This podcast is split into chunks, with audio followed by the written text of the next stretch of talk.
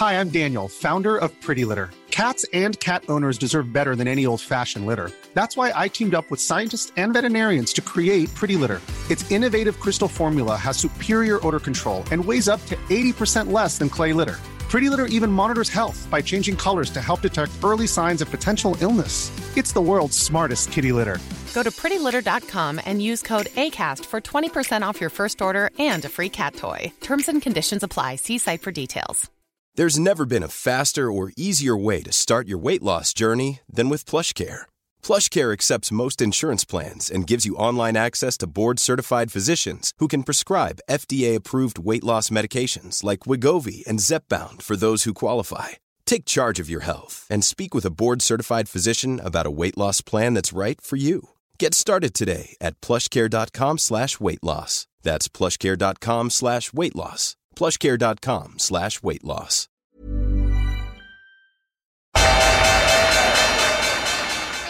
They mistook leverage for genius. Leverage for genius. I would recommend Japan. The governments don't rule the world. Goldman Sachs rules the world. Velkommen til episode 97 av podkasten 'Tid er penger'. En podkast med Peter Warren. Jeg heter Sverre og er produsent som trykker på record og play-knappen samtidig. Og eh, jeg skal presentere de temaene vi eh, skal ta for oss i dag, og Peter skal kommentere. Eh, det har vært eh, noen sinnssyke uker i finansmarkedene, som det egentlig har vært hele tida de siste eh, årene, så det, det vedvarer. Eh, Jeg skal snakke litt om det. Det har vært mye bitcoin. Det har vært eh, enkeltselskaper som har steget veldig mye. Så har det et tema som Peter har veldig mye kunnskap om, som dukker opp veldig ofte de, uh, i de siste ukene uh, i forbindelse med enkeltaksjer i USA. Så det er mye feilinformasjon om hedgefond, så kanskje det er på tide at uh, vi gir litt nøytral informasjon om hedgefond, som kommer fra en som har sittet og sittet og jobba med hedgefond og møtt hedgefond i de siste 20 årene, og kanskje har litt innsikt i hvordan det fungerer, og hvordan det faktisk er. Så er det da et litt sånn late etterspill etter uh, det som har blitt omtalt uh, mye de siste ukene, som er det selskapet i USA som har på en måte blitt synonymt med hele bevegelsen, som er GameStop. Også det nettstedet på, på Reddit som heter Wall Street Bets. Og det har ført til en bølge som vi sjelden har sett. Og bølgen er ikke nødvendigvis at det er så fantastisk at folk investerer, men det er vel mer det at det er en bølge av feilinformasjon. Og det har vi sett mye til på de portalene som eh, Tid er penger har knytta til podkasten. Primært eh, gruppa vår på Facebook som er Tid er penger eh, på Facebook. Eh, en, en Facebook-gruppe om en podkast. Og så er det også den chatten der vi bruker Discord. Begge er linka i beskrivelsen av podkasten. Begge finner du også på hjemmesida til podkasten, som er tiderpenger.no. Der er det en del andre informasjonsting også som du kan finne. Siste tema i dag, hvis vi har tid, som er, handler om algoritmer, eh, om hvordan du skal eh, ta bedre beslutninger. Eh, da kan vi vel bare starte. Markedet den siste uka, siste to ukene. Ja, dominert egentlig av, av krypto. Og til tross for mye egentlig eh, dårlig nytt da, for, for, krypto, med andre ord at forskjellige lands myndigheter har, har begynt å, å, å ytre seg eh, negativt, så har jo har jo den, den, det segmentet med, med bitcoin i spissen, eller egentlig ikke, Ethereum i, eh, i, i spissen, fortsatt å, å gå oppover.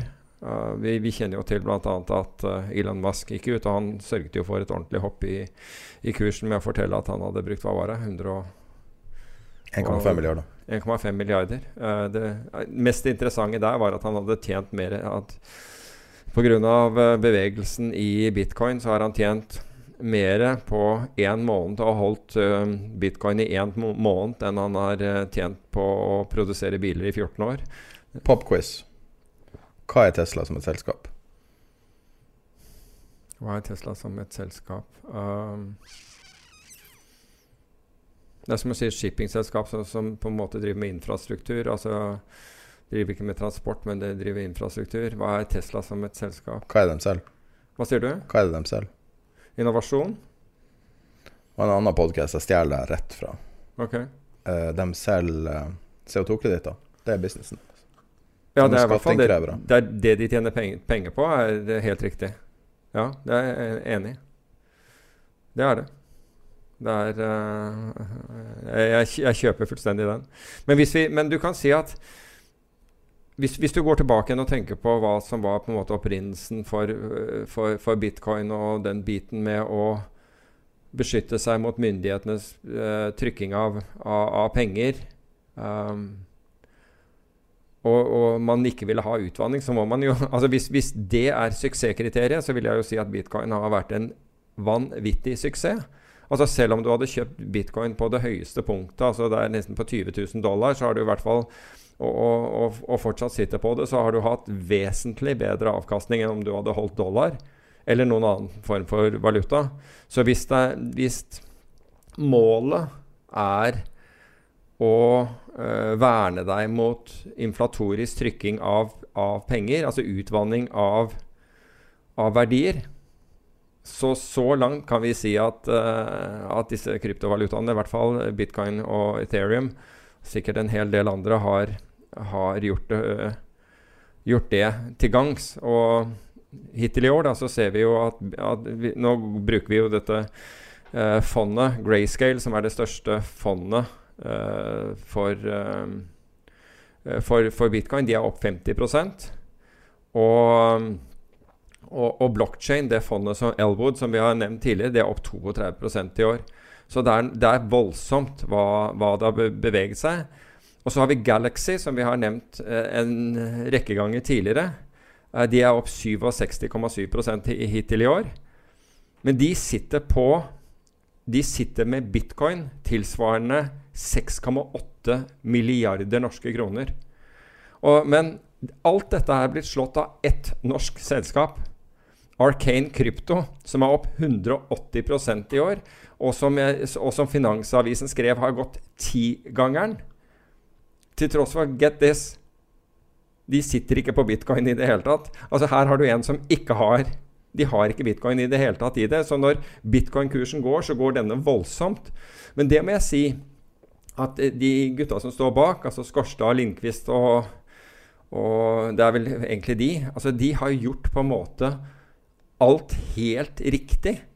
Altså De kjenner hvordan markedskreftene virker, og hvordan lynnet her er i, i Skandinavia og har gjort dette her helt riktig. Altså, de vet at ved å, ved å altså Arcane heter selskapet. Arcane Krypto. De har på en måte skapt en, liksom en litt sånn mystikk rundt og muligheter rundt dette selskapet. Og så til tross for Men, men det, altså, Galaxy kunne du forstå, fordi de satt jo med mer bitcoin enn det aksjekursen uh, reflekterte. Så den kan du på en måte forstå at den går kraftig når den går. Men her Altså hvis, hvis, bitcoin går opp i pris, så går dette selskapet opp i pris, enda det har ingen bitcoin. Det er ganske interessant. Men, men jeg, altså jeg, er imponert over altså de altså Når du kjenner investorsentimentet, altså hvordan investor, in, investorer, altså skandinaviske investorer vil reagere på forskjellige ting så godt, så har de, de har skapt da Dette selskapet er verdt tre Eller har vært i eh, Nå vet jeg ikke hva, hva kursen er i dag, men det spiller ingen rolle. men 3,5 milliarder kroner. Og det har forskjellige, altså de har, dette, de har nyhetsbrev og de har forskjellige, de har forskjellige businessmodeller.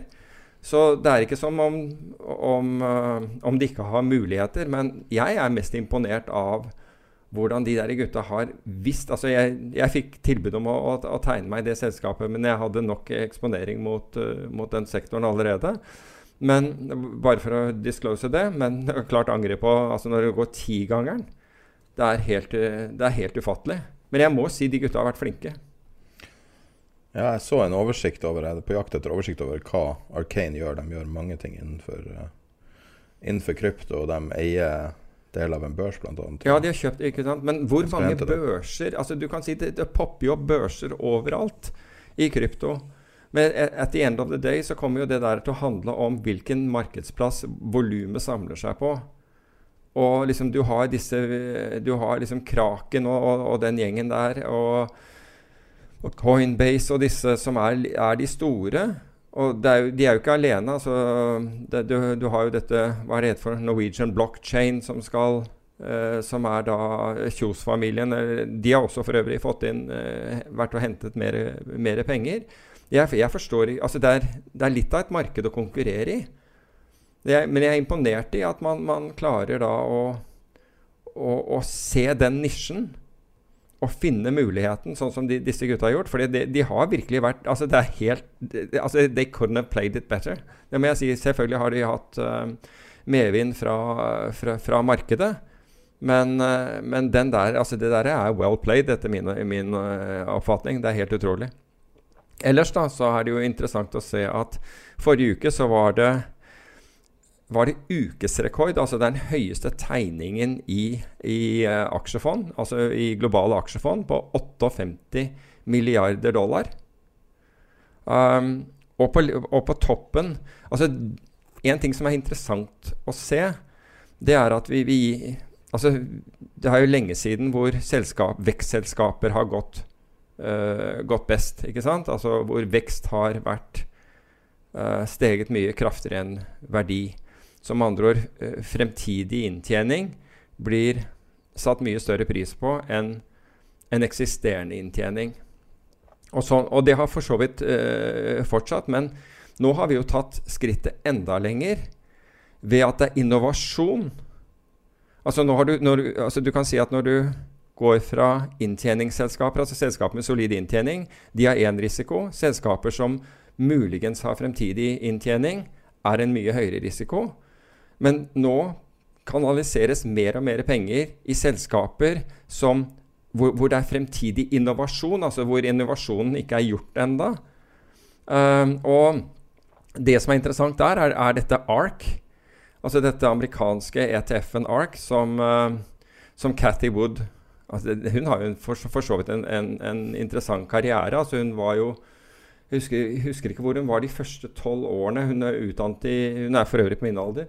og Utdannet i, i, i California. Og, og så, men hun var, jeg mener at hun var noe sånn som 18 år hos Allianz Bernstein som, uh, som porteføljeforvalter før hun startet Det var vel så sent som jeg lurer på om det var 2014 eller noe sånt, hvor de startet ARK. Um, og dette selskapet altså de, var opp 170% i fjor. De, de, annet, de sitter bl.a. på Tesla.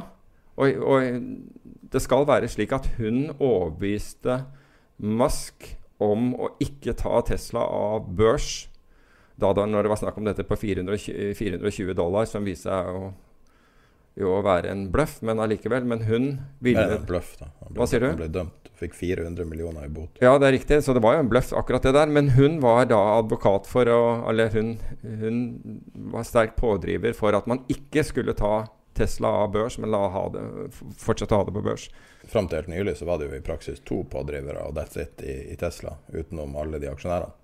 Det var jo hun og han uh, i uh, Hva heter han? Uh, Gerber i ja. det Kawasaki. Er det Ross, Ross, Ross Gerber? Gerber, ja. Så den var, jo, den var jo litt sånn utradisjonell uh, heiagjeng. Uh, det var hun som fronta ideen om at uh, Tesla kunne være prisa på helt sånn hinsides nivåer første gangen. Som kanskje starta ballen å rulle til at det nå er priser på hinsides nivåer. Så helt ubestridelig hadde rett. Ja, det de, de der tusenvis av dollar-analysene, men om at det, var, det her var drevet av eh, pot, altså, den, en tidlig utgave av det man nå har sett som Wall Street, eh, altså Wall Street Bets og, og, GameStop, så var jo Tesla åpenbart en tidlig versjon av det. Mm. Samme type folkene som drev på samme måte. Men, men, det fikk ikke den samme oppmerksomheten at det kom fra det samme miljøet. Da. Nei, du jo, du, men du hadde jo også solid Altså ta Aberdeen, da. Uh, altså Forvaltningshuset er skotske, sant, som er kjempestore, de var jo tidlig inne også i, i, i, Tesla. Og selv om de har redusert eierandelen sin, så er de jo fortsatt med der. Den var ikke heiagjeng, da? Den Nei, var veldig stille. Det er helt riktig. Men Cathy Wood, altså, det er jo ganske fascinerende. Altså, hun forvalter da 16 milliarder dollar i, det, i, dette fondet. Det er verdens største uh, actively managed ETF. Det er, altså, det er, helt voldsomt når du tenker på hva hun har klart på kort tid. Ikke sant? Altså, i, den, altså, hun har jo overbevist med, med, med, avkastning også. Da. Og nå starter hun et nytt, en ny ETF som, som går på, på um, innovasjon mot, uh, mot, mot space. Så um, Ja, det, det, det, det, Nei, altså Ingen av de selskapene tjener penger, så det er jo bare ja, men det, er, men det er hele poenget mitt. ikke sant? Er, at, du, at du går fra selskaper som tjener penger, til selskaper med fremtid, altså vekst, såkalte vekstselskaper. Og så tar du og så har verden liksom tatt enda et gir, altså, altså enda lenger ut på risikoskalaen, med, med ren innovasjon. Og, og så langt har det gått, ikke sant? med 170 eh, i, i fjor og 26% avkastning i år. Så må vi jo si at hun ligger et stykke foran de fleste andre. Ehm, Jeg snakka med en venn av meg som forvalter familieformue på noen, noen hundre millioner. Han summerte opp ting, og så sa han Jeg snakka med han på lenge. Så han, han, han sier at det, han hater å lese nyhetene. Han driver med veldig tradisjonelle, veldig solide businesser. Har gjort noen liksom, investeringer opp gjennom årene og ymse ting. Noen har gått bra, noen har gått dårlig. Men har funnet ut at å investere i seg sjøl er mye bedre over tid enn å drive og være i masse mulig vilkårlige ting. For det tar bort så mye fokus, da. Og da summerte han opp markedet sånn. det føles som å se en science fiction-film. Altså, det er ikke basert på virkeligheten. Altså, du ser det i overskriften. Ingenting er basert på virkeligheten lenger. Vi lever og, og det er jo ganske bra oppsummering egentlig av at et lite selskap, som i praksis er konkurs, blir verdens mest trada i verdipapir. Det er ikke et sunnhetstegn, akkurat. Nei det, jo, det- nei, det er jo ikke det. Tesla har aldri tjent en krone på driften. Men, men Fortsatt nå aldri tjent en ja. krone på driften. De har eh, eh, suspekte eh, regneark, suspekte regnskap. Eh, som, og så har de da den store CO2-kredittsalget som gjør at de er teknisk sett in the black. Mm. Men altså, det er jo, det er jo bare en, en ny type subsidier. Og det er, verden, det er verdens rikeste mann som belåner porteføljen sin for å ha cash. Altså, vi går fra en verden med Bill Gates som selger penger, får inn penger, er en kapitalist av, av den reneste form. Og så har du Carlos Slim i Mexico, verdens største eh, innen eh, det, det som nå er en superdøll business, som er å eie mobil eh, Altså store mobil, Telenor liksom, i Mexico. Og så har du de her folkene her, sånn Walton-familien som, som står bak Walmart. Altså, det går jo ikke an å bli mer eh, kapitalisme enn det. Og så blir det her erstatta med et selskap som aldri har tjent penger. Det er da verdens rikeste. Altså, det er jo noe som, som føles unaturlig, og det føles feil. Og det føles som at alle vet at det er feil. Alle sitter og venter på når skal det her falle. Og det faller aldri. Stocks only go up. Ja. Men det er ganske interessant. Jeg så no, noen oppsummere dette her. Altså stocks all time high. Det var det, det ene, ikke sant? Home prices, dette er jo USA, all time high. Ok? Corporate bond yields all time low. Altså du får det minste du noen gang har betalt for å låne bedrifter eh, eh, penger.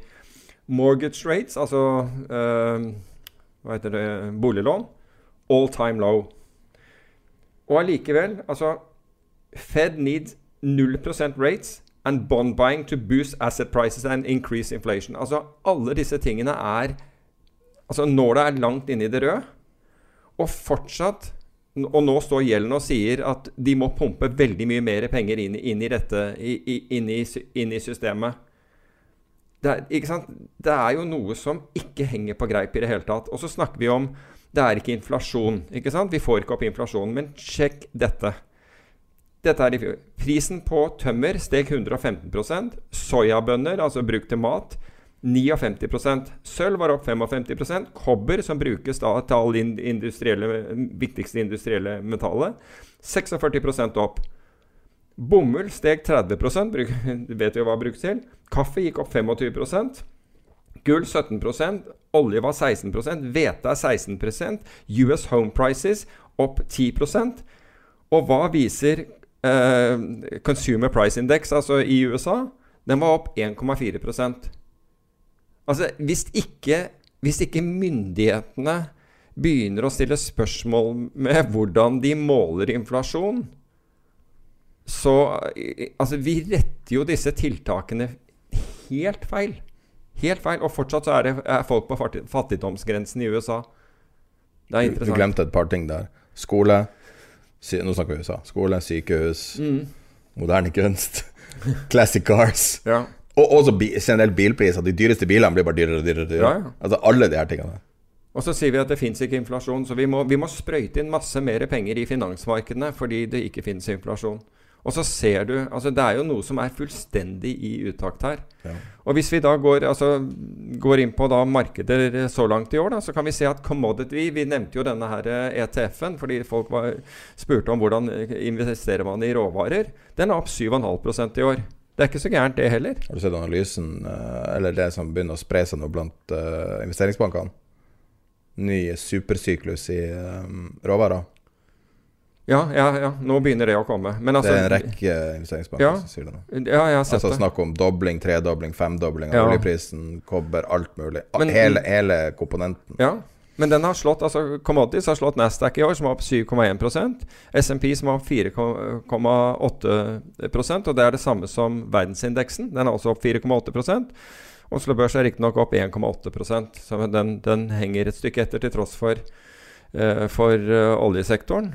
Men også ser vi da at, du, at uh, renten stiger i USA. Altså, nå tenker jeg renten på obligasjoner. Og du snakker jo om dette med yield-kurven. ikke sant? Altså, for, for ett år siden, eller ja, litt under ett år siden, så var forskjellen mellom amerikanske tiåringrenten og toårsrenten den var på rundt 0,1% Nå er den på 1,1% og 30-årsrenten har nå, nå kommet seg over 2% Så det er ting altså vi, Det er helt opplagt ting som skjer der ute eh, i øyeblikket. Før vi starta podkasten og venta på at du skulle komme hit, så var jeg inne på chatten til eh, der, der eh, folk snakker med hverandre om løst og fast. Vi har masse kanaler der. Du finner for så vidt på tiderpenger.no live med bindestrek chat, og det er også en av menyene. Eh, og der var det en som eh, De begynte å diskutere i går kveld eller noe sånt om eh, de hater nettaviser, for det var journalisten.no hadde skrevet om at det er sjokk i hver Altså 154 dager på rad hadde Dagbladet ordet 'sjokk' i en tittel. og jeg, jeg leser ikke Dagbladet, men det overrasker meg ikke noe. Det er bare å gå inn på Dagbladet nå, så er det sikkert 'sjokk' i en tittel. Og så var det noe som begynte å det, og så, så var det snakk om eh, eh, diverse sånne ting. Og så var det en som sendte en melding til meg som sier Har hørt at Romerriket var preget av lignende dekadens som vi ser i dag. Overdreven fokus på sex, mat og gambling like før fallet. Bare interessant. Du mener at det er, eh, det er Det, det er jo ikke et sunnhetstegn at, at uh, folk blir f.eks.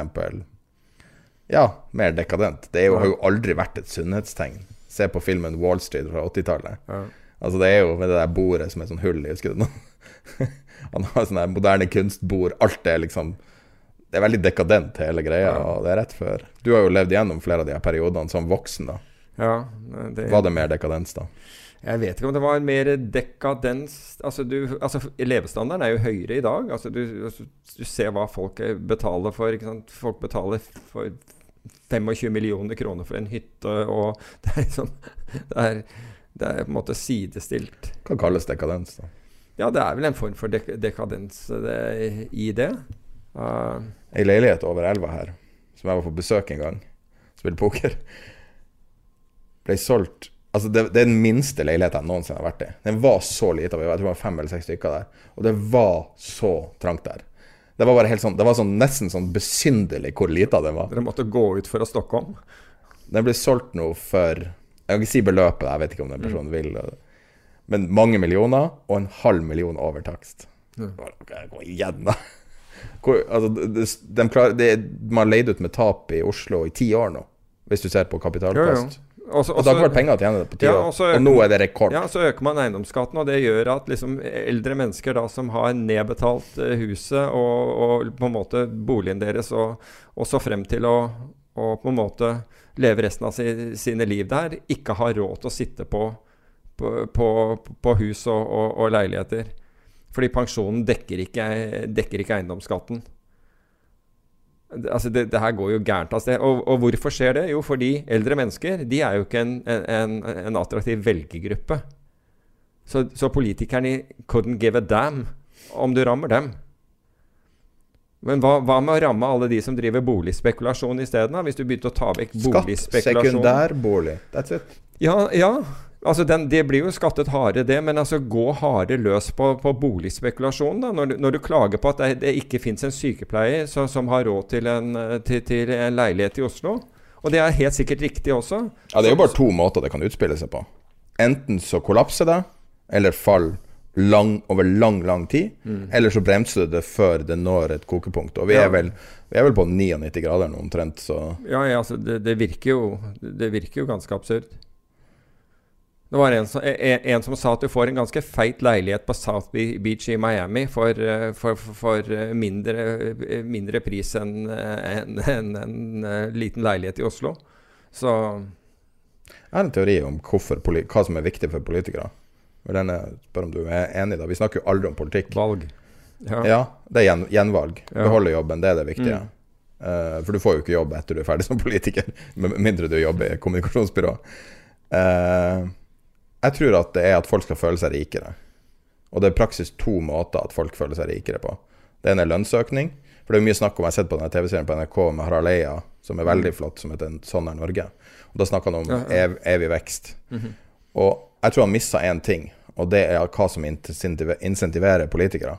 Og det er at folk føler seg rikere. Og det, og det at du får lønnsvekst hvert år, trigger basically alle andre Det får en sånn eh, knock-on-effekt på alle andre ting som skaper vekst. Alle prisene går opp, du får inflasjon til slutt. Um, og det andre er boligprisvekst. For det er besynderlig hvor politisk populært altså boligspekulasjon er. Mm. Politisk. For i Norge er det ulovlig å være rik. Det er den største synden som finnes. Men de som har blitt virkelig rike, har jo som regel gjort det på, gjennom bolig. Ja. Altså gjennom eiendomsspekulasjon. Ja, bare belånte pipa. Altså i, i eiendomsspekulasjon. Gamble 100 ja. Fra 1990 med leilighet til Norges rikeste i dag. Ja. Men du skjønner hva jeg mener med at bol boligprisøkninga egentlig bare er ei skjult lønn, en skjult bestikkelse fra politikere? Ja. Jeg, jeg, Kanskje det er en overforenkling av verden, men uh, ja. Jo, men altså, jeg tenker jo at at det der å stramme til dette her med ytterligere eiendomsskatt, det rammer så skeivt at uh, Ja, men du kunne hatt ytterligere eiendomsskatt på sekundærbolig? Ja, det kunne du hatt. Det kunne da, hatt. Altså, da tar ja, du jo ja. alle foreldre som har støtta unger, og alt mulig. Liksom. Ja. Men uh, i hvert fall altså, Det første du må prøve å, å, å bremse, det er boligspekulasjonen. Få vekk den, så, så begynner det å hjelpe. Anyway. Tror du nordmenn spekulerer mye i verdipapirer sånn generelt? Ja, det er, jeg tror ikke det er representativt, det jeg mener om det. fordi jeg, vi får jo alle henvendelsene fra de som driver med det der. Så vi blir jo på en måte, vi får en overrepresentasjon av, av folk som gjør det. Hadde denne podkasten handla om eiendom, så hadde vi kanskje hatt seks ganger så mange lyttere, tror jeg. ja, det, det, kan godt hende. Det kan godt hende. Så hva vet jeg. Men uh, ja. Så markedet, da. krypto. Ja, nå, okay, krypto. Nå, nå, har vi jo egentlig snakket om markedet. ikke sant? Og, og greia med markedene er, er at de, altså de, de, blir jo ikke billigere. Markedene blir, er, er, strukket, de er, de er, dyre. Men så lenge altså Nå sitter jo alle og venter på neste pakken, som Gjelden har jo lovet at, uh, det, at man må jo ikke stoppe dette. Det har hun jo uttalt direkte, at liksom, det, er, det er altfor tidlig. Altså, det er helt uaktuelt. Og hun har jo pumpet penger eh, til nå. Janet Yellen. Ja. ja. Så Ja. Altså, du bare sier hun. og sorry, nye Sorry, jeg trodde jeg sa det. Uh, nye amerikanske finansministeren. Og man sitter nå bare det er jo, Markedet drives jo av forventninger om ytterligere en pakke. Til, altså, til tross for all time high til tross for, som vi snakker om, eiendomspriser, aksjekurser, all time high Alle disse, disse faktorene, så sitter vi Nei, her må det pumpes inn mer penger. Her må man virkelig trå til. Jeg håper virkelig at Biden holder det han sier, og, hvilket jeg egentlig tror at han at vil skje, og at det, det vies mot infrastruktur og, og andre ting enn at man driver og pumper opp finansmarkedene sett en del på CNN i det siste, og litt analyser. Det har vært mye drama med den rettssaken. Da har de kommet fram til igjen og igjen. Historisk sett har det jo vært sagt at Biden er democrat in name only. At han er så nært sentrum som det går an å være som å være demokrat. Okay. Men uh, de har gjentatt uh, den analysen om at forrige gang han var i regjering, når han var visepresident, så prøvde Obama å, å finne liksom common ground og ikke ville gjøre harde ting. Tok veldig milde ting etter finanskrisa, relativt sett, da. Mhm. I amerikansk målestokk milde ting. Eh, og at det ikke At det sørga for de problemene politisk sett de har nå, og at de har gjort um, eh, det motsatte nå. At de, nå snakker de hele tida om de må go big. It gotta be big. Og da, Ja, da men sier de på sin ende. Jeg vet ikke om det Altså Obama fikk jo finanskrisen i, i fanget. Ikke sant? Altså Han fikk jo virkelig det, det i fanget. Og jeg tror at det, den, den måten altså ting var i ferd med å fullstendig rakne når man, man uh, begynte å, å tråkke i gang med tiltak som, jeg, som den gangen var fullt forståelig. I og med at bankene holdt på å, å, å gå over ende. Men det at man bare fortsatte og fortsatte og fortsatte, og ikke på en måte tok et oppgjør med, med, med hva som hadde vært, det er jo problemet. Og det problemet er jo noe man betaler for i dag. Eh, nå er vi på markedet her også, vi må ikke glemme det undertemaet som vi har her på rad Ja. i regnearket. Eh, det har jo snakk, vært mye snakk om short-squeeze. Det er nok mange som har hørt det ordet for første gang i, eller termen for første gang i sitt liv. Og vi har hatt litt short-squeezer i Norge også. Ja, altså egentlig så, så ble det snakket så veldig mye om denne eh, Rec Silicon uh, short squeezen. Men først så har jeg liksom lyst til å ta for meg Altså Det var jo en short squeeze uh, i Norwegian, og det var vel i, var det i fjor, eller var det året før? Nå, altså da, da Norwegian som mest trengte penger, da da oppsto det en short squeeze hvor uh, de to som hadde lånt ut mest aksjer, og det var vel Kjos og, og Kise, altså eierne, brått trakk tilbake eh, aksjene som var, var til utlån, og som sendte kursen opp 40% og så rote seg ned litt etterpå, men det var jo åpenbart en voldsom short squeeze for de som var short. Så du kan si at der kan du ha hatt helt rett i at Norwegian var på, var, eh, på vei utfor stupet. Men allikevel så kostet det deg mye penger hvis du, hvis eh, du kom på feil side av den. Men det som var mer besynderlig med den, var at det deretter ikke var en eneste Norwegian-aksje å oppdrive for, for Altså, du fikk ikke lånt en eneste eh, Norwegian-aksje. Og bankene fikk ikke tak i noe, og marketmakerne nektet å stille priser på, på, på derivater. Dette, hang, dette fall, eh, sammenfalt med at Norwegian skulle ha penger. Så her går du ut og stanser på en måte muligheten for price discovery med at, aksjer, med, med at disse aksjene kunne falle, at short-selgere bare sier at dette her er det ikke verdt. Så du tar bort den hele den ene siden av dette markedet. Uh, noe som gjør at den emisjonen, etter min oppfatning, og det var etter alles oppfatning på det tidspunktet, var mye snakk om det, at, at altså folk fikk kjøpt til én krone mens aksjen var på fire. Og aksjen skulle aldri ha vært på fire i utgangspunktet. Og det som skjedde, var jo at de, de mange flippet de. altså Kjos var den ene som da hadde solgt alle aksjene sine på forhånd. Nå kjøper han aksjer til én krone og flipper de ut på fire. Uh, så, men, men, du får ikke price discovery fordi man har rett og slett tatt bort den muligheten. Og det for meg virker altså Hvis noe virker som markedsmanipulasjon, så var det det som foregikk eh, rundt der. fordi det, altså Dette ble skrevet opp og ned i mente av, uh, av kommentatorer i avisene. At prisen på, på, på selskapet var altfor høy i forhold til gjeldsbyrden. Og altså de tapte jo penger hver eneste dag. Men den ble holdt kunstig høy som følge av at man ikke kunne selge short lenger. Og at det ikke skulle finnes noen aksjer der ute. Plutselig var det, var det slutt. Det virker på meg svært, svært merkelig. Så da kan vi se litt på reglene for uh, markedsmanipulasjon i Norge. Uh, det har vært mye snakk i diverse kommentarfelt om at uh, jeg, lager masse sånn sitattegn i lufta, altså. Prøver å lage det nært, nært mikrofonen. Uh, hedgefond er kriminell, det er kriminell handel. Det i USA som meglerhus gjør, er kriminelt. Det er en kriminell konspirasjon. Alt er, alle er kriminelle. Men de som ikke er kriminelle, er investorene som manipulerer systemet for å få aksjekursene til kunstig stige. I dette tilfellet du nevner Norwegian. To enkeltpersoner som er absolutt aldri straffa. Vi kan ikke si at de har gjort noe ulovlig. Nei, de, altså, de bare kalte inn de aksjene for, sikkert for å selge dem. Noe du var, kan gjøre, og det er en og vanlig det var, og det tror jeg var strategi. bonafide, det tror jeg var helt bona fide. De hadde behov for å selge aksjene sine. Ja. Og det å kalle tilbake aksjer er en av grunnene til at du aldri burde shortselge aksjer direkte, fordi at det har den risikoen til enhver tid. Ja, bortsett fra at du kan inngå kontrakter hvor, hvor det ikke kan trekkes tilbake. Hvor du f.eks. sier at du, du, dette lånet er for et Altså terms, term loans, altså med andre ord du låner for et år. Ja. Da kan ikke de aksjene tre, tas tilbake igjen. Og så har du jo eh, muligheten for å gjøre det via opsjoner, som du har litt erfaring med. Ja, men, det, men den, den, tok man bort fordi man, man forbød shortsalg, da ville ikke marketmakerne stille priser på disse opsjonene lenger. Og og det er det mest besynderlige her. Fordi marketmakerne av derivatet på Oslo Børs de, de, kunne jo bare stilt prisen ned til deklarerte, de, for da hadde du faktisk sett hva det var verdt. Mm. Og det var, det var, jo måten man er Altså, det er jo marketmaking. Altså, kursen på, på Norwegian var den gang fire. Ok, begynn med å stille jeg er 3,5 kjøper, f.eks. 3,5 til 3,80 eller et eller annet sånt. Du får på 3,5, da senker du den. Ok, neste handel 3 til 3,5. Jeg får fortsatt på 3. 2,5-3, ikke sant, og, så videre nedover. På et eller annet sted stopper det, men det stedet hvor det stopper, det er price discovery. Da vil jo alle ha sett hva Norwegian virkelig er verdt.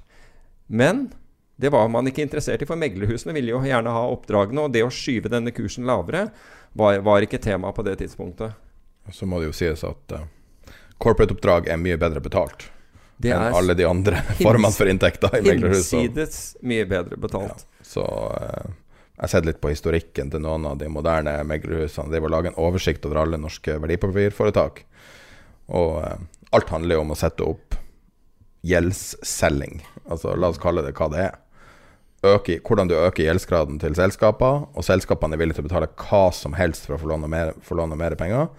Og de her enkeltpersonene tjener en million kroner på en dag. det, er så, det, er det det handler om. Ja, det, og da er du villig til å gjøre ganske mye. Men la oss gå tilbake til reglene. Eh, nærmere bestemt punkt 3.8 i eh, lov om verdipapirhandel i Norge. Og jeg vil også påpeke at det samme gjelder enkeltpersoner som hører på, vil kanskje være interessert i at, at det samme gjelder i Sverige, og det samme gjelder i Finland, og en veldig lignende lov er i USA. Mm. Så når man snakker om om man snakker om uh, GameStop eller Nokia, eller om man snakker om uh, AMC, Rex Silicon, Norwegian, så er det mer eller mindre de samme reglene som gjelder. Og når du handler i markedet, så har du på et eller annet tidspunkt sagt at du skal følge reglene. Og du er ikke untouchable for reglene bare fordi at du er en liten investor. Og det her er ganske alvorlige regler å forholde seg til. Eh, og begge har vært vitne til ganske aggressive brudd på reglene i én-til-én-diskusjoner med folk. Kan jeg bare ta en, en kjapp digresjon der? For det er to personer i forrige uke tok kontakt fordi da var det svenske finansinspeksjonen som hadde tatt kontakt med dem. Og, de, og det gjaldt det, Dette var nordmenn som hadde handlet i, i svenske aksjer. Uh, svenske finansinspeksjonen som, som, som, hadde da tenkt å ta dem, altså som ba, om, uh, ba, om, uh, ba de forklare seg mm. før, de, før, de fattet, før, de, rett og slett fattet vedtak mot dem. Ja. Og dette var småsparere som, som, tydeligvis ikke hadde peiling på hva de gjorde. Så når man snakker om, om verdipapirhandel Um, så er det, i motsetning til at det her er drevet av 18-åringer med et sånn rødt Han er ikke 18, da, han er refererer til noe, men unge mennesker med røde pannebånd og lager livestreame videoer, sprer rykter. Det er en veldig stor del av det, av det den nye generasjonen. Det er veldig mye snakk om rykter, veldig mye snakk om konspirasjoner. Ukilde Altså ingen kildehenvisning til ganske drastiske anklager. Anklager aktører med 60 år plettfri erfaring for svindel diverse sånne ting som eh, vi også måtte ha slått ganske hardt ned på, både i gruppa og i chatten, fordi at det ikke skal forsøple enhver diskusjon. Så enkeltpersoner som kanskje ikke er villige til å høre på, på fakta, som ikke vet så mye om reglene. Så her er reglene. Så du har tre, uh, punkt 3.8, link til det er også i beskrivelsen av podkasten. Det er, angår uh, markedsmanipulasjon. Uh, punkt én er ingen må foreta markedsmanipulasjon i tilknytning til finansielle instrumenter. Og med det så menes det transaksjoner eller handelsordre som gir eller egnet til å gi falske eller uriktige eller villedende signaler om tilbud og etterspørsel, som kan være om å legge uh, kunstige bud, f.eks. Uh, eller at du, du, du, kjøper aksjer på en spesiell strategi. Du kan kanskje si litt mer om ja, hva, hvilken... Det er limitordrene du snakker om? Ja, altså Et, et tilfelle som, som, jeg var borti, da hadde man lagt inn en, en limit på, på, et selskap på 3,5 kroner. Og så ble man fylt på det, ikke sant? For så 30 sekunder etterpå legge inn en ny limit på å kjøpe på 4,5. Og så ble man da fylt på den på et, på et, lavere nivå, fordi det var ikke nødvendig å gå så høyt om til 4,5. Altså men den ordren flyttet markedet såpass mye at selskapet fikk en mye større, større verdi, og det trigger jo børser og, og dermed også og finanstilsyn. Og så 30 sekunder etterpå så putter man inn en salgsordre som er under det man var villig til å kjøpe for uh, ba, bare 30 sekunder tidligere. Mm. Jeg kan ikke huske noen har slått, altså Finanstilsynet har slått ned på sånne her ting på lang tid. I Norge? Ja. Nei, nei. Men det her blir jo gjort regelmessig. Folk tror at det her er helt greit å gjøre. Det er faktisk et regelbrudd. Og akkurat hvor i reglene short squeeze eller å manipulere short squeeze eller gamma squeeze eller andre ting er, det, det, kan jo diskuteres, og det må jo opp i retten, men det er definitivt én av de punktene. Så punkt to er transaksjoner som inngås eller handelsordre som inngis i tilknytning til enhver form for villedende atferd. Og det kan være f.eks. At, uh, at du uttaler deg på et forum, til en avis, til et eller annet sånt for. Og da får vi det punkt tre også. Utbe uh, utberedelse av opplysninger gjennom media, herunder via internett eller via annen metode, når opplysningen gis eller er egnet til å gi falske, uriktige eller villedende signaler om finansielle instrumenter. Så hvis du tar et eksempel, da. Uh, han som starta hele kjøret med GameStop, mm. sier i den første analysen sin Det er på YouTube, du kan gå og se. Så sier han at dette er en aksje som er egnet for short squeeze. Og dette er de aksjonærene vi kan angripe for at man skal generere en short squeeze. Det her hadde vært fint å få det rettslig prøvd. Mm. Fordi at markedet er ganske sensitiv. det blir jo en kongresshøring der borte, da. Ja. Mm. Men det er jo veldig sterkt politisk, da. Mm. Ja, og da vil de sannsynligvis forsøke å, å gå den mest populistiske retninga. Vi ser både høyre- og venstresida er veldig populistiske i denne saken. Men det de kanskje ikke tenker på, er hvor sensitivt markedet er for manipulasjon. For grunnen til at regelverket er her, er jo fordi at det er så lett å manipulere. Mm. Og når vi ser på I forrige episode snakka om cornering av markedet så er jo det noe som er 1500-1600-1700 år gammel praksis. Ja. Alle vet at hvis du klarer å kontrollere mest av noe, så kan du basically styre prisen på det. Mm. Og det er en grunn til at man slår så hardt ned på det. Og det, det er noe som ofte har vært tilgjengelig i futures-markedet, men som også i større og større grad nå pga. at du kan samle tre millioner mennesker til å gjøre det samme. Så sier alle vi kjøper klokka ett. Det er ulovlig. Mm. Det er å lage en mobb. Det er som å, å forsøke å hacke et departement. Det er jo akkurat samme. Men det du undergraver, er selve markedsstrukturen. Så når man snakker om at det var så forferdelig at et meglerhus begrensa salg i ett selskap, så var det det ene var jo at rent clearingmessig så kunne altså meglerhuset gå under på timer.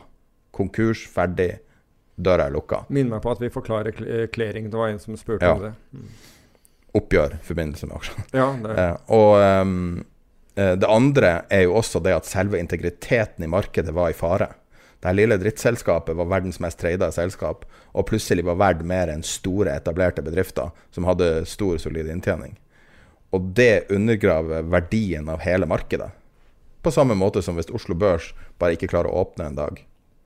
Det vil undergrave verdien til det norske finansielle markedet. Definitivt. Og det har jo skjedd også. Og det har jo vært litt sånn spørsmål om hva gjør du da? er aksjene du har, verdt noe som helst? Hvor skal du selge dem? På Finn? Altså, vi, jo, vi hadde jo et uh, tilfelle med uh, hvor man prøvde en shortsquiz i Norge med, med Rec Silicon. Rexilikon, sier man kanskje på norsk. Uh, og der var det dette, dette, Ifølge DN, da, der, der, var det For de hadde da fått tak i vedkommende som hadde brukt to forskjellige uh, mediekanaler, altså chat-funksjoner eller et eller annet sånt, chatrooms, til ene hvor hadde brukt to forskjellige, vedkommende hadde brukt to forskjellige navn. Barbro på den ene og et eller annet annet på, på den andre. Og snakket om at uh, å shortsqueeze uh, et hedgefond i, i Rex Silicon. Altså hedgefondet, de, uh, og dette, de ønsket å shortsqueeze, var Volian. Volian kjenner jeg faktisk godt. De sitter i uh, de, de sitter i, i, i, Berkeley, California, og, og er, et, uh, er, et, maskinlæringsfond. Og når de skulle da skvise dette her altså de, de tror at dette er ondsinnede shortselgere som har solgt. For det første så var jo andelen veldig, veldig liten. Og vedkommende går ut og sier hvis vi får denne aksjen til 20, så er de nødt til å kaste kortene. Så når, den bevegelsen Det var snakk om 1,9 millioner eh, aksjer. Betød 0,03% for Volian. Så det, altså hvis, hvis, de ikke hadde noe på andre siden Og Volian er en markedsnøytral et markedsnøytralt fond, et statistisk arbitrasjefond, som mente da, altså siden de var short Rex Silicon, så mente de at andre selskaper innenfor samme bransje var billigere. Så de var long de og short uh, Rex Silicon. Men hvis de bare alene var short eh, rekk, og, og, den, gikk, den fløy fire, fire, norske kroner, så var det 0,03% på dette fondet. Det er ikke en sånn derre GameStop, eh, Melvin Capital. Jeg tapte 53% så, så du kan si at det er her er det jo bare noen som lager en historie, ikke gjør noe som helst research på, på, hva dette dreier seg om, eller hvem som sitter på den andre siden, hva slags fond det er engang og, og, spyr dette her ut. Og vedkommende fikk jo aksjen til å gå også. Senere så, så kom det jo inn eh, en annen nyhet fra, fra Kjell Inge Røkke som fikk den til å gå lenger. Men vedkommende fikk jo faktisk andre til å kjøpe før, før kursen falt tilbake igjen. Så hvis ikke det er markedsmanipulasjon, så må jeg innrømme at da, da, vet jeg ikke hva det er. Altså Hvis ikke noen påtaler det som markedsmanipulasjon, så, så, så setter man en presedens for, for, for andre til å gjøre akkurat lignende. Kan ta Når vi er oppi det her, altså det du har skrevet i kommentarer, det er en ganske bra oppsummering. Amatørenes spill.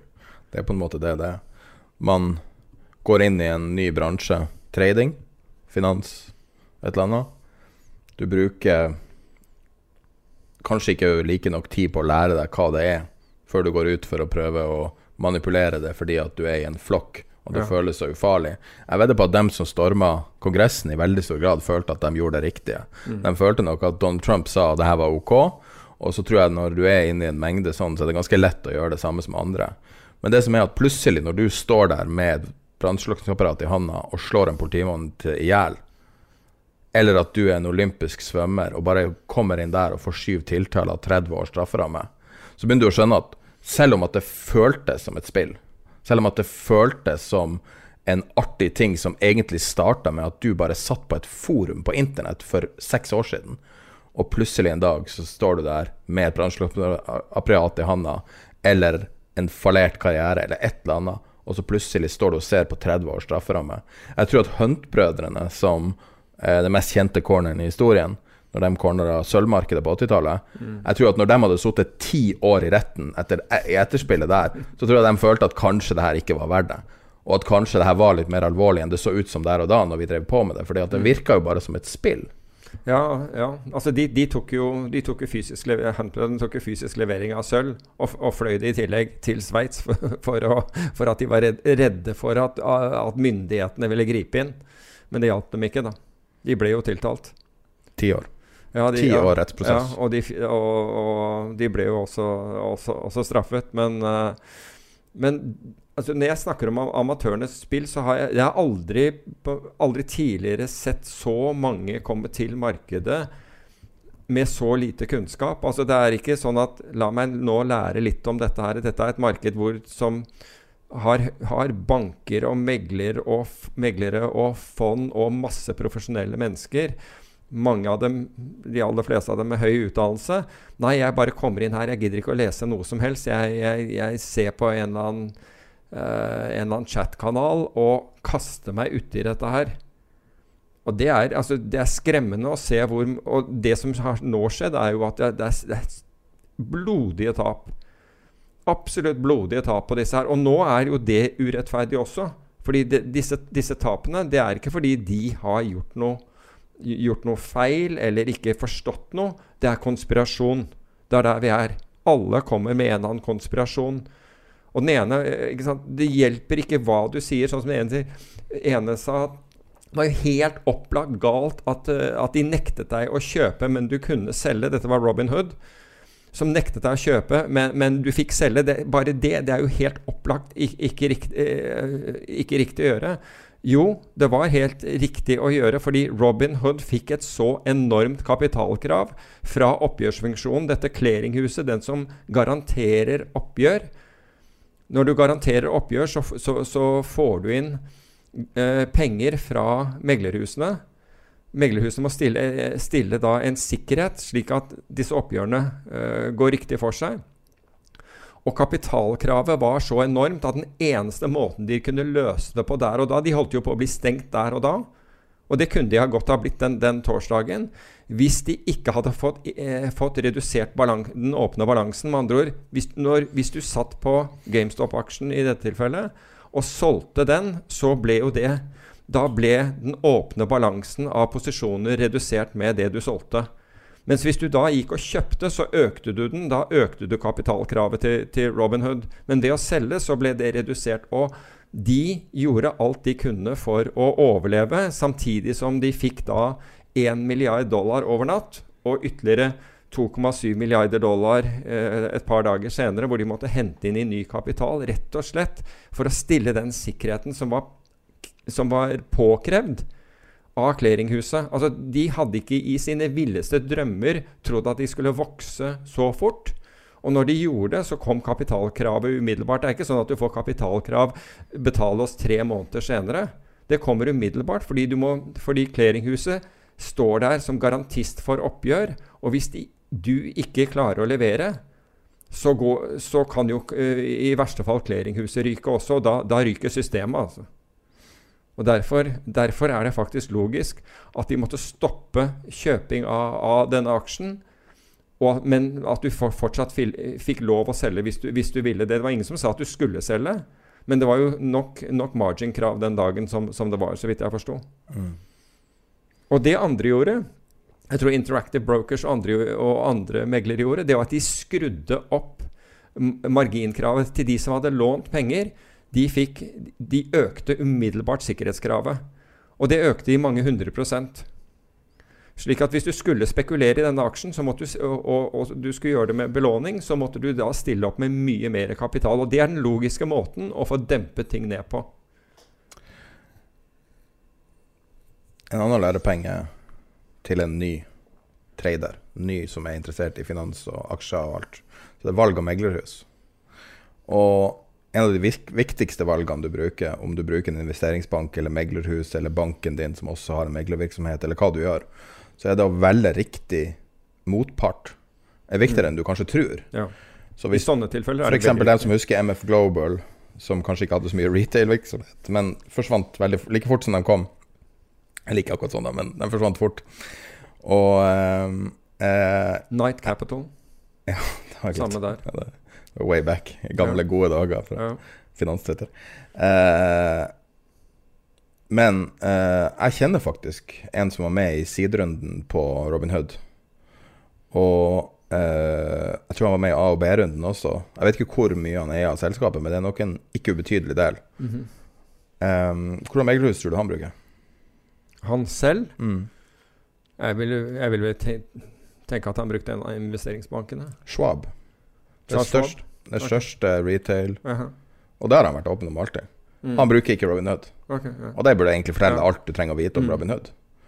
Og eh, i Norge så var, det, så var, det, folk som påpekte at det var forskjell på forskjellige norske meglerhus, hvem som stoppa handel i de forskjellige aksjene.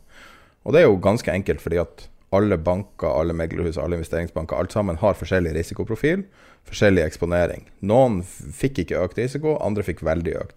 Men Interactive Brokers, som er en en fantastisk aktør med veldig lang historikk, og veldig lang historikk på å ikke skru investorene sine. De var bare nede i kort tid mm. når de fikk regrouped og fikk satt opp sånn at de ikke skulle eksponere seg. De var nok aldri i reell fare. Nei, det, i, i, forbindelse med GameStop? Mm. Nei, det tror ikke jeg heller. Men det de, det de gjorde, og det, det var én de uh, gjorde GameStop uh, de, de, lot ikke retail handle den. Altså mm. De kuttet ut De sa at den, dette er for risikabelt. Så du fikk ikke gjøre noe som helst. Altså, altså, Hvis du satt med aksjen, så fikk du selvfølgelig selge den. Men de, de satte opp kravet til, uh, til, kvalifikasjoner, rett og slett. Altså, så mer qualified profesjonelle investorer fikk fortsatt handle den. Og så økte de marginen voldsomt. Mm. Samme som, som, andre gjorde, og dermed kunne du holde business i gang. Og det er også helt, helt vanlig praksis. Men hvis du er 18 år og aldri har sett ei krise, så skjønner du ikke at ting kan forandre seg. Hvis du går og leser den stabelen av papirer du har signert for å få konto, så står det alt der svart på hvitt. Ja, det. Men det er jo ingen som gjør det. Og det, det er så viktig å bare ha Altså, det her er jo et det her er jo basically grunnen til at vi har iPhoner, og grunnen til at det er strøm, og grunnen til at det er penger i minibanken og melk i matbutikken. Det er jo Uten finansmarkedet så har du ingenting. Du har ikke globalisering. Du har norske produkter laga på norske fabrikker. Du har mat som er produsert lokalt i ditt område. Fordi at du kan ikke ha globalisering uten finansielle markeder. Det er jo blodet i hele systemet. Og da, når du skal kaste ut beskyldelser om konspirasjoner og svindler, så burde du i hvert fall vite hva du snakker om. Ja, altså jeg føler jo at du, du, du må i hvert fall gjøre minimum grad av undersøkelser og, og, sette deg inn i handelsreglement og børsregler og den type ting. Um, en annen ting er altså, også helt klart er, er misforstått.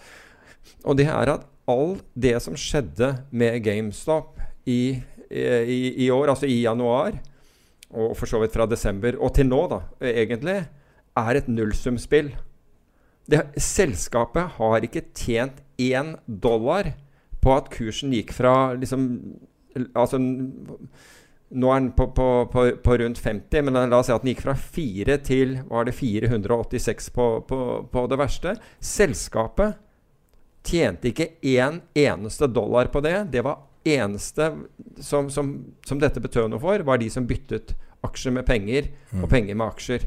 Med andre ord, det er et nullsumspill. Hadde derimot GameStop Men det, altså, men galskapen var jo komplett på, på det tidspunktet. Og det var en som spurte meg, fordi jeg var negativ til det, hva, hva skal til for at du, du tror at dette selskapet har noe verdi? Og det sa jeg, da var kursen høyere, da var kursen rundt 400. Så sa jeg emitter på kurs 350. Hvis det emitterer, altså får inn kapital, kapitalutvidelse, og, for, og markedet er villig til å betale 350, da får de i hvert fall de verdiene inn i selskapet. Syns også eh, GameStop fortjener stående applaus for det de gjorde. De tok en av de vanskeligste valgene en ledelse kan ta.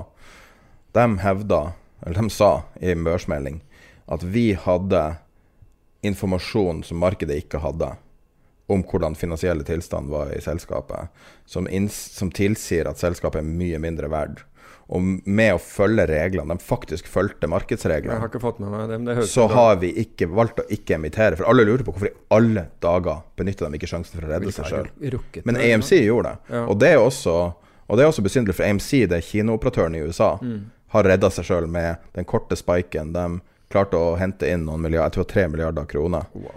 Og, og det er jo akkurat nok til å komme seg ut hvis du er in trouble. Tre milliarder ut av det blå til, eh, til veldig fordelaktige eh, eh, liksom verdier, da. Eller regna på veldig fordelaktige verdier. Og eh, det at GameStop klarte å ha og, og, og Når man snakker om liksom det som er når eh, de her intervjuene som blir gjort på CNBC den onsdagen, den torsdagen den fredagen som er aktuell her, der folk fra Silicon Valley som, som, sutt, som ikke kan noe om finans Jeg må tro at de folkene kan Jeg har bakgrunn fra Facebook, f.eks. Han, han eh, Jeg klarer ikke å uttale navnet hans, han har et veldig langt navn, fra Sri Lanka. Men alle vet hvem jeg refererer til. Eh, så han sitter liksom og beskylder folk for å være svindlere og alt mulig. Så sier han Jeg visste ikke hva gammaskvis var, men nå har jeg lest litt om det. Og, og så sitter han og snakker i 25 minutter om det på CNBC med Altså Greit nok, CNBC er veldig ofte en vits og veldig ofte på feil side av historien. Men her er det sånn Kom igjen, man må velge kildene sine med omhu. Og så har du liksom sånne her eh, billionaire douchebags fra, fra Silicon Valley som alle er populister, og, og veldig mange har på flaksa seg til penger. La oss være ærlige, liksom. Du flakser til å være en av, de første, en av de første ansatte i Facebook. Så er du milliardær, og så skal du sitte og fortelle alle andre hvordan verden fungerer. Og, og det er liksom altså å, å ha respekt for markedet. Så når Tom Petterfee går på CNBC og sier vi gjorde det her for å bevare integriteten til clearing og integriteten til markedet, så sier folk integritet Det er en konspirasjon! Ja. Nei, du, det her markedet er faktisk det, Tom Petterfee er for øvrig sjefen i uh, Interactive Brokers. Ja.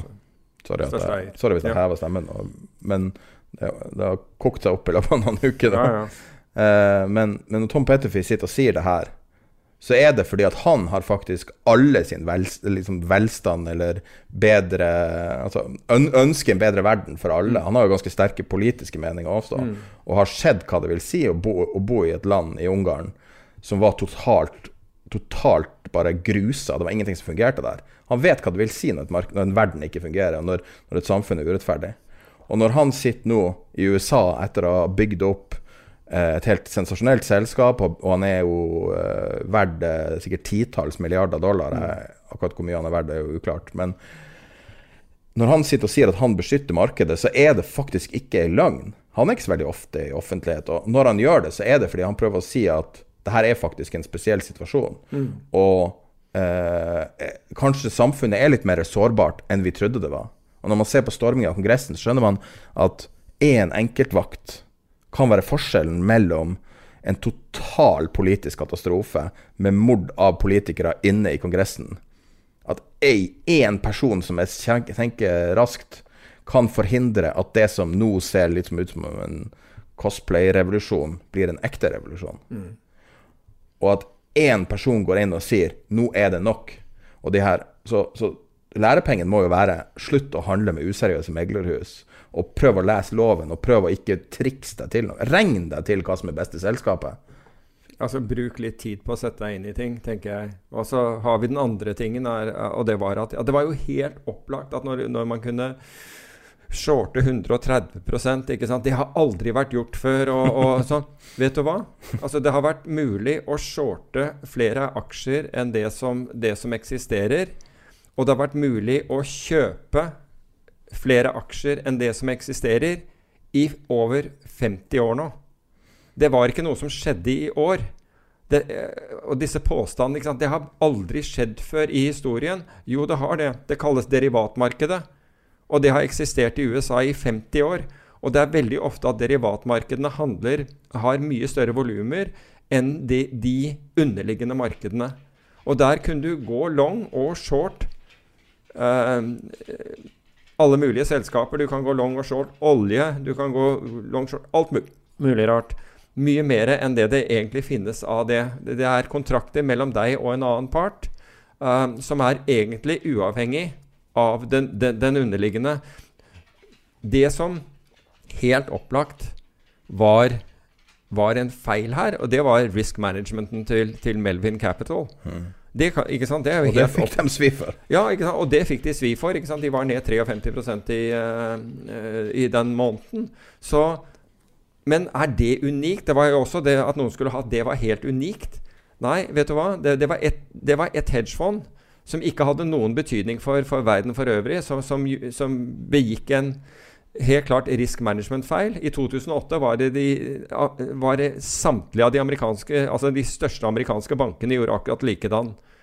De begikk også, begikk også risk management-feil. Totale risk management-feil. Så dette er ikke unikt i, i, det hele tatt. Det betyr ikke at det er riktig, men det er ikke unikt.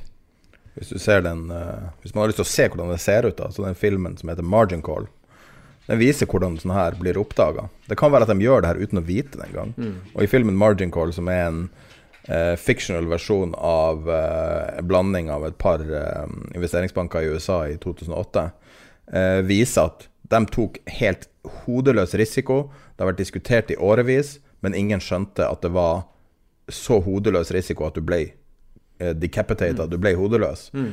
Og så må de selge med en gang. Og det, og det, er liksom i praksis det som skjedde her. Ja. Med noen få eh, Altså Jeg har aldri hørt om Melvin Capital. For helt eh, 2017 ble det etablert. Det er jo ikke noe powerhouse i finans. Sånn, altså Det er jo eh, kommet ut av eh, Stevie Cohen sitt system. Ja. Og, eh, men det, jeg kan si at det er én ting som er Jeg har personlig vært interessert i eh, det man på norsk kanskje kaller robothandel, algoritmisk handel, siden eh, jobber med det siden 2010 eller noe sånt. Og vært sett på det, og, og du har jo vært veldig, veldig eh, kritisk til det i alle år.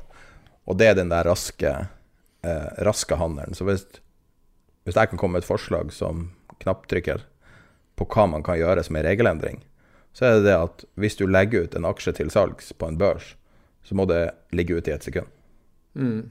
Hvis du innfører den regelen, så har du basically tatt bort hele fartsfordelen til hele high frequency-bransjen. Ett sekund er ikke så veldig lenge. Altså ett sekund er, er fryktelig lenge i high frequency. Hvis bordet fanger ett sekund, ja. så slipper du å coile en vaier rundt for å skape ja, ja. kunstig forsinkelse, som én børs har gjort. Uh, og, og, du slipper å, å, å, å grave gjennom uh, fjell for å, for å spare fem millisekunder og sånne ting. Ja, nå er det slutt på det. Nå går alt på mikrobølgetårn. Men Ja. Uh, men eh, ja det, det, Hvis du bare sier 'bordet fanger' i ett minutt, og så sier Et uh, sekund. SEC ett sekund. Mm. Sier SEC eller CFTC eller hvem det er som vil være den største organet, eller kanskje Finanstilsynet. Nå er, USA, nå er jo nye finansministeren sponsa av Citadel, så det er vel ikke sånn stor sjanse for å innføre det her. Men hvis hun hadde sagt millioner, seks millioner kroner av i Citadel i fjor. Ja. Ja. Så hvis man innfører den regelen, så, så vil man i hvert fall altså Det kan jo norske finanstilsynet være altså da, Revolusjonen har jo starta med at små nasjoner har tatt et standpunkt. Så kan man si at nei, det er å, det er ikke lov å trekke et bud. Altså Problemet er jo, er jo da også at, du, vil, at du, du plutselig ikke vil ha marketmaking i det hele tatt. Men, at, at Men da har vi jo kanskje ikke et marked som Nei, er men, men, men tenk på dette her. Altså, dette, er jo ikke den, dette er jo ikke den første skjevheten. Det, altså, noen land får du ikke lov å kjøpe orderflow, bare så det er sagt. Du får ikke lov å drive med det der. Uh, men uh, men ta, ta f.eks. I, i, i valuta, hvor du, hadde, hvor du har hatt last lock. Altså med andre ord Når du, du har elektronisk handel, og du, når du trykker da banken din La oss si den, den stiller deg en, en pris, spiller ingen rolle. La oss si at det er tolv celler, da, bare for å ta det. Så trykker du, ikke sant. Du dobbeltklikker på tolv fordi du skal kjøpe én million på tolv. Og da, med last look, så kan den da, selv om du har trykket, så kan den nekte deg å handle på den. Fordi den maskinen til banken går og sjekker om de kan få tak i dette billigere et annet sted. Hvis ikke de kan få tak i dette på 11,80 eller et eller annet sånt, så får du ikke kjøpt på 12. Og last look, altså til tross for at Bank of International Settlement, Settlement altså Verdensbanken, har gått imot denne praksisen, så eksisterer den fortsatt, men, men, i, men i mindre grad. Og deretter, den ble da er- erstattet av tags. Med andre ord at, at de som stiller priser, marketmakerne som stiller priser, får da tags på De ser ikke hvem du er. altså De ser ikke at, at produsent Sverre er på den andre siden av denne. Det kommer opp et Men du er definert som et nummer. eh, altså en, en kode. Og så studerer og så Hver eneste dag får de tags fra markedsplassene. Og så ser de om det er noen som de stadig noen som de stadig taper penger mot. altså med andre ord en, en, en aktør som er veldig flink. Så kan de kutte ut de aktørene som er flinke. Så hvis du er flink i jobben din, la oss si at du er en eh, at, at du jobber da i et eller annet uh, oljeselskap, men du, du har med valutaen deres å gjøre og valutaeksponeringen å gjøre. Så hvis du er veldig flink i jobben din, så vil de ikke handle med deg. Da får du ikke priser fra, fra, fra disse. Så de, de, vil, de vil ha idiotene. Så du vet at når, du får handlet på prisene eh, deres hver eneste gang, da, da, det, det er tegnet på at du ikke er særlig smart, for å si det på den måten. Det dette er lov. Dette, er, dette, er, dette gjøres i dag. Så det er helt fantastisk Altså, det, dette skjer og godkjennes av regulerende myndigheter. Det er jo helt utrolig. Og hvorfor? Jo, fordi bankene vil ha det slik.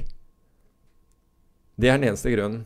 Og de, altså hvis en bank vil noe, da, da, da er det jo bare å bøye seg over. Too big to fail. Ja, det, altså det, De fleste av disse her er jo ikke too big to fail heller. Men allikevel. Så, så Så du kan si at det, det eksisterer jo uh, Hva skal man kalle det? Flaws? Altså, altså i anførselstegn feil i systemet allerede. Mange sånne feil Svakheter, i systemet. Svakheter i systemet som gjør at systemet ikke er rettferdig.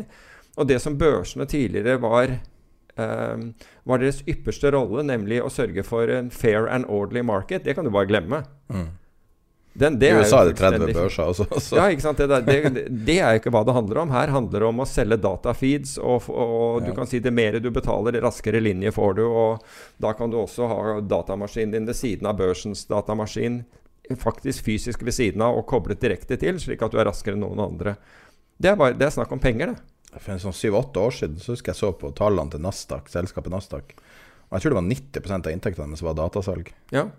Så hvis du lurer på hvem interessene Hvem er det Nasdaq er opptatt av, Ja, så er det dem som kjøper. Du kan jo gjette én gang hvem som kjøper dataen til Nasdaq. Ja, det er jo bare én aktør som er interessert i, i TIC-data på børsen. Det er jo dem som handler å legge inn og trekke tilbake ordre. Vi kan jo si det. Å spoofe ordre er å legge inn ordre og trekke den tilbake med så ha, ha, kort hastighet Nei, med så høy hastighet at det skjer før du rekker å registrere at den verken er kommet opp ordren, Altså en mulig å kjøpe eller selge, Ja. eller er trukket tilbake. Du Jeg kan kan- jeg- aldri Jeg, eksekute jeg kan si deg det, og, og hvis du handler på en amerikansk børs og sitter her i, eh, i, i Oslo Så altså, uansett hvor rask du er, men hvis det er slik at, at du er nødt til å se kursen altså for, for, for, for å handle på den, så vil du aldri være rask nok. Altså hvis det er en, en, en sånn aktør. Den eneste sjansen du har for å, å, å, å, treffe en sånn ordre, er at du har eh, din dataserver ved siden av børsens dataserver, slik at den kan reagere raskt nok. Altså Innen det lyset, altså fordi det, vi snakker om lysets hastighet innen det når, når eh, terminalen din i Oslo, så, er, så, så er, eksisterer ikke den ordren lenger. Oslo Børs lå jo veldig mange år i London. Ja. Og jeg må si at jeg vet faktisk Altså før den ble solgt til uh, Euronext? Euronext. Og jeg vet faktisk Og det, det man, når man sier børsen, så er det ikke bygninger. Det er bare et fint bilde. Ja. Det er basically Det, det, det er handel, altså matching engine, som det ja, heter. Altså den- matching engine. Ja. Uh, den matching engine lå historisk sett i et lager utenfor London. Mm. Et helt sånn nondescript bygg. Og du kunne leie deg inn der Ja. på det du for ca. 50 episoder fortalte var en ganske lav sum, egentlig. Ja. Du kunne leie det, det som heter co-location. Co-location, ja. Jeg tror det var du- noen tusen dollar i måneden Ja, ligge. og så- ja, og det er som å leie leilighet. Du har co-location, og så har du noe som heter cross connection. Så hvis du skal ha begge deler, så er det, er det litt dyre. Co-location vil si at du er i veldig nær eh, børsens eh, matching engine. Altså det er den datamaskinen hvor børsen matcher handlene sine, altså hvor selve handlene eh, krysses. Eh, og så kan du da cross-connecte, altså da bruker du glasskabler mellom børsens datamaskin og din ma maskin. Da vil du få informasjonen enda raskere. Nå snakker vi om på mikrosekundnivå. Uh, jeg søkte på Jeg ser på tekniske spesifikasjonene til uh, Millennium, det nye systemet til Oslo Børs. Uh, og um, jeg søkte på ordet Jeg tok sånn kontroll F for å se på, på location, og det var ingen treff på det. Aha. Så der tror jeg de deler ikke hvor det ligger, men jeg gjetter at den også ligger i London, kanskje i Frankfurt. Men, ja, jeg men at den ligger i Frankfurt nå, men uh, jeg tro. Men jeg, jeg vet Sikkert ikke. brexit-relatert at de også flytta den fysisk. Antageligvis. Uh, men, altså, det blir jo selvfølgelig solgt til et Frankfurt-basert selskap. Men poenget er at Frankfurt og London er omtrent like langt unna, sånn more or less. Og det som er viktig her, er hvor mange millisekunder lyset bruker på å dra til London eller til Frankfurt. Ja. Eh, og hvis jeg husker riktig, så var det 50 millisekunder én vei. Kan det stemme? Nei, jeg tror det er mindre. Eller det Jeg tror det er mindre. Eh, Jeg tror det er mindre. Men tingen er at det var såpass lang tid at du som satt i Oslo, hadde en betydelig uh, bakdel i, Ja. i altså, Ulempe. Ulempe. Bakdel, er det rumpe? uh, bakdel. Ja, det er klart at det, leng det lenger unna du er, det Altså, det var jo helt obvious at Ja. man var interessert i London-baserte investorer og meglerhus. Fordi at Mm. siden Goldman Sachs og JP Morgan og Morgan Stanley og alle de her ikke har kontor i Oslo, så er det i hvert fall ingen grunn til å det, er jo de større, altså, det er jo de store investeringsbankene som driver mye av flyten på Oslo Børs. Det er jo ikke lenger de norske. Uh, og eh, og da, er det, da la, man, la man til rette for dem med å legge det til London. Det skjedde vel i sånn 2004-2005-2006 rundt der.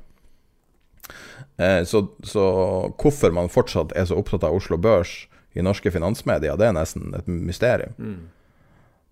Apropos, apropos brexit, så var Bank of England ute og sa at, de, det, var færre, de, det var færre arbeidsplasser tapt enn en, en de hadde trodd. Foreløpig det var litt over 7000. Uh, jeg vet at én bank alene har meldt 7500 mennesker som skal flytte ut av, av England, så jeg tror det har en sånn der, Det er nok hittil. Men det de ikke ser på, det er alle disse ka kafeene Restaurantene, treningsstudioene, revisjonsselskapet, vas vaskebyråer, Uh, sjåførtjenester og alt mulig sånn som, som går over ende som følge av dette her. Det er helt insane. Jeg så et tall Hva er det verste på 300 år i London og utviklinga? Jeg vet ikke hva som skjedde for 300 Det var på 1700-tallet. Det var et eller annet som skjedde. Ja, det, var, det var faktisk før jeg ble født. Året før. det var året før. Men det var, det var noe sånn som to tredjedeler av all handel year over year var ned. Altså det var bare et, et sånn, et sånn så så ubeskrivelig nå- stort fall. Så du for øvrig at Amsterdam har nå høyere volum enn London? Så fort Oh har det gått. Amsterdam har, ja, Swaps-markedet har, har flyttet kjente børsen, Amsterdam-børsen, Ja. AEX, eller hva det heter. AX, ja. Og, og, og Jesus. aksjehandelen har nå, nå gått over, så ja. Det er helt crazy, altså. Uh, men uh, Nei, det er virkelig Altså, vi har vi har jo nesten ikke snakka om brexit. Hva du tenker Altså, det, altså fiskerinæringa Altså, fisken har råtna så fort.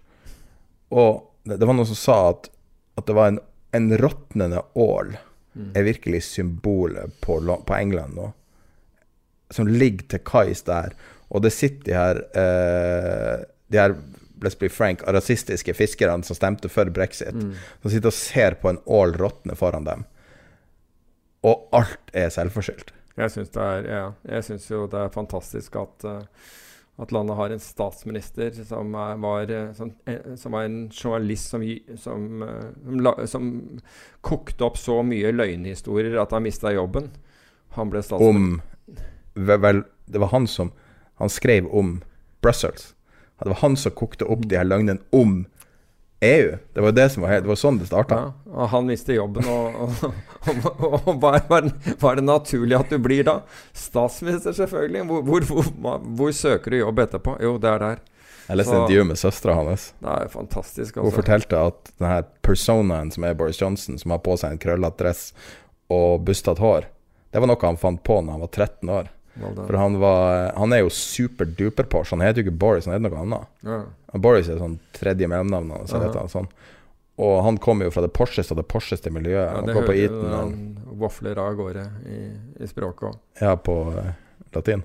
Nei, altså sånn generelt Ja, Man snakker jo masse latin. Ja, det kan, det kan godt være. Det er jo det Porscheste Ja, ja. som finnes. Ja, ja, ja, bare ja. blande Men, nei, jo, men han, han snakker jo en, en, en, en Porsche uh, Porsche lingo. Nå skal du si at du har ganske Porsche stemme også, på engelsk. Ja, jeg tror ikke ja, jeg Det er ikke akkurat Scouser, liksom. Ja, men jeg Nei.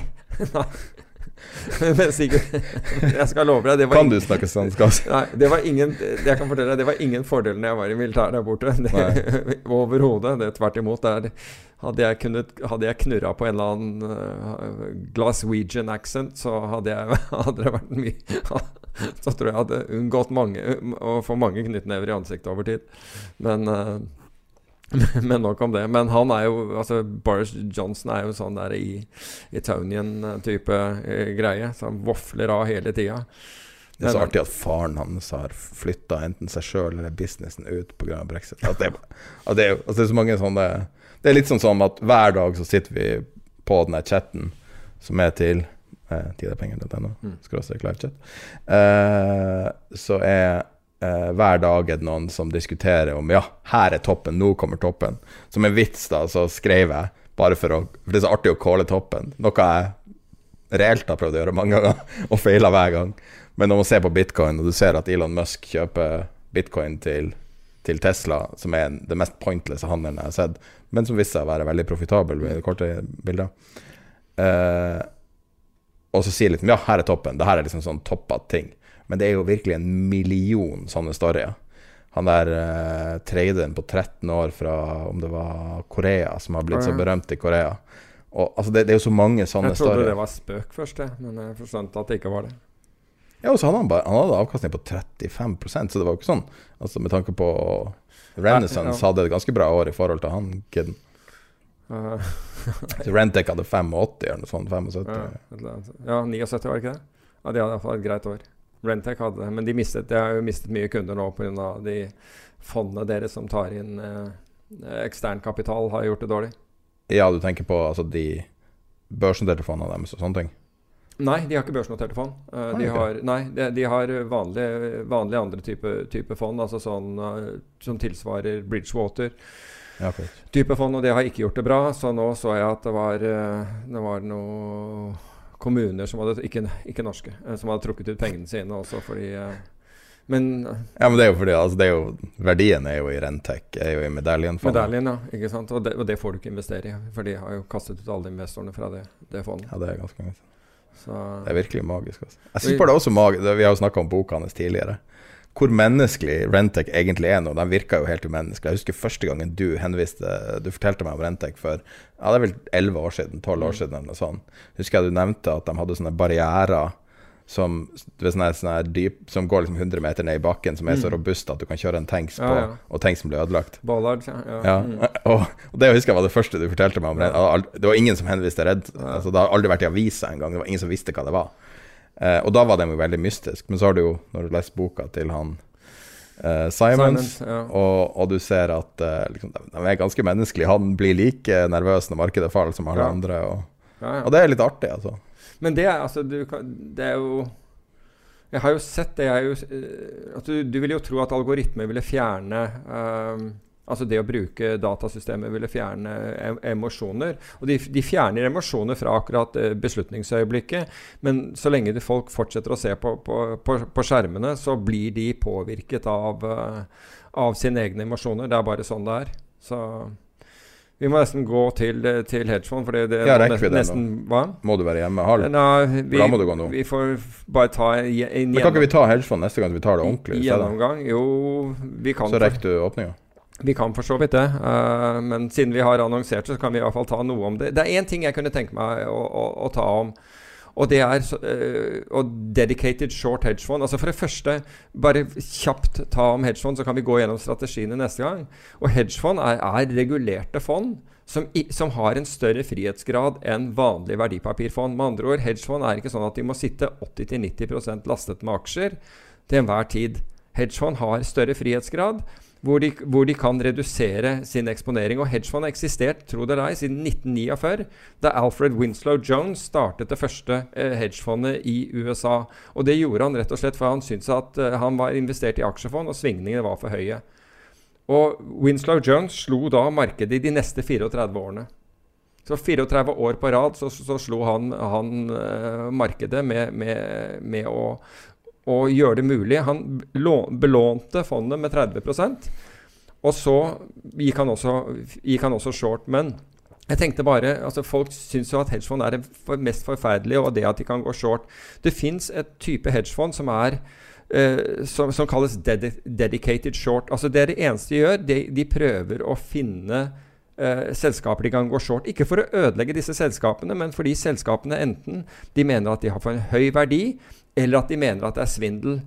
Og det er helt utrolig at vi allerede, altså vi er nå i 2021, skal ha glemt hva som skjedde i fjor i, i 2020, nemlig Wirecard. Og Wirecard, der var det et hedgefond som mente at dette var svindel, og gikk short Wirecard, tok dokumentasjonen, gikk til Financial Times og la frem den dokumentasjonen det hadde. Ja, selvfølgelig gjorde de det etter at de hadde tatt en posisjon i det, men det var for Financial Times-journalistene å ettergå den informasjonen. Det var ikke sånn at Financial Times da umiddelbart begynner å skrive om det. Og Financial Times skriver om dette her. Det som da skjer, er at tyske finanstilsynet Vi har snakket om denne delen før, men det er en, del her som er ny for de fleste. Bafin.